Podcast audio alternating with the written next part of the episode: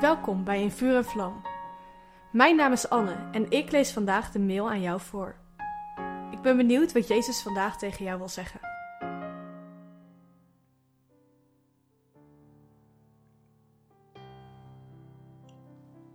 Ik geloof dat God ons allemaal de gave van onderscheiding van geesten heeft gegeven.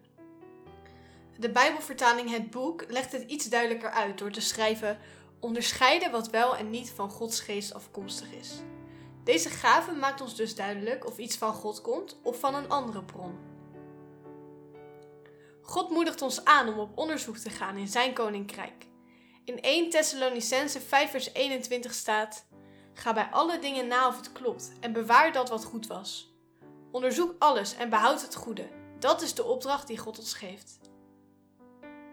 Een voorbeeld hiervan in mijn eigen leven maakte ik een poos geleden mee.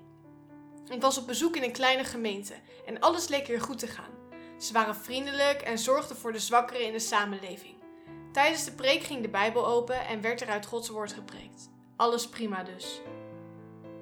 Toch kreeg ik een heel sterk gevoel dat zei: Luc, jij mag hier nooit meer komen. Ik herkende dit als de stem van God en ben daar sindsdien nooit meer heen gegaan. Een paar weken later begon deze gemeente mensen te manipuleren en dingen te verkondigen die ik zou bestempelen als dwaalleer. Dingen die volgens mij echt niet in overeenstemming zijn met de Bijbel. Dit is één manier waarop deze gave werkt. Een ander voorbeeld kan zich voordoen als je voor iemand bidt die gebonden is door een demon. Marcus 16 maakt ons heel duidelijk dat wij als gelovigen de kracht en de autoriteit hebben gekregen om deze demon dan weg te sturen.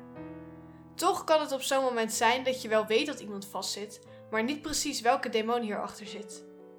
God kan jou op zo'n moment al laten zien op welke manier deze persoon gebonden is, en dit kan erg helpen in het gebed.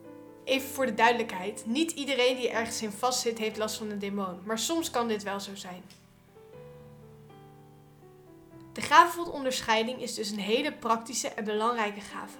Bid je met me mee? Vader, dank u wel dat u goed bent. Ik bid dat u mij steeds meer inzicht geeft in de geestelijke wereld. Laat me zien wat wel van u is en wat niet.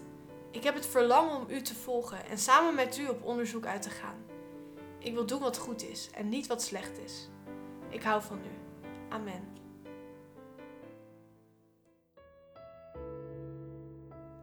Wat leuk dat je hebt geluisterd naar In Vuur en Vlam. Heeft de tekst je geholpen om God beter te leren kennen? Deel In Vuur en Vlam dan met je vrienden. Meld ze aan op streef.nl slash en vlam.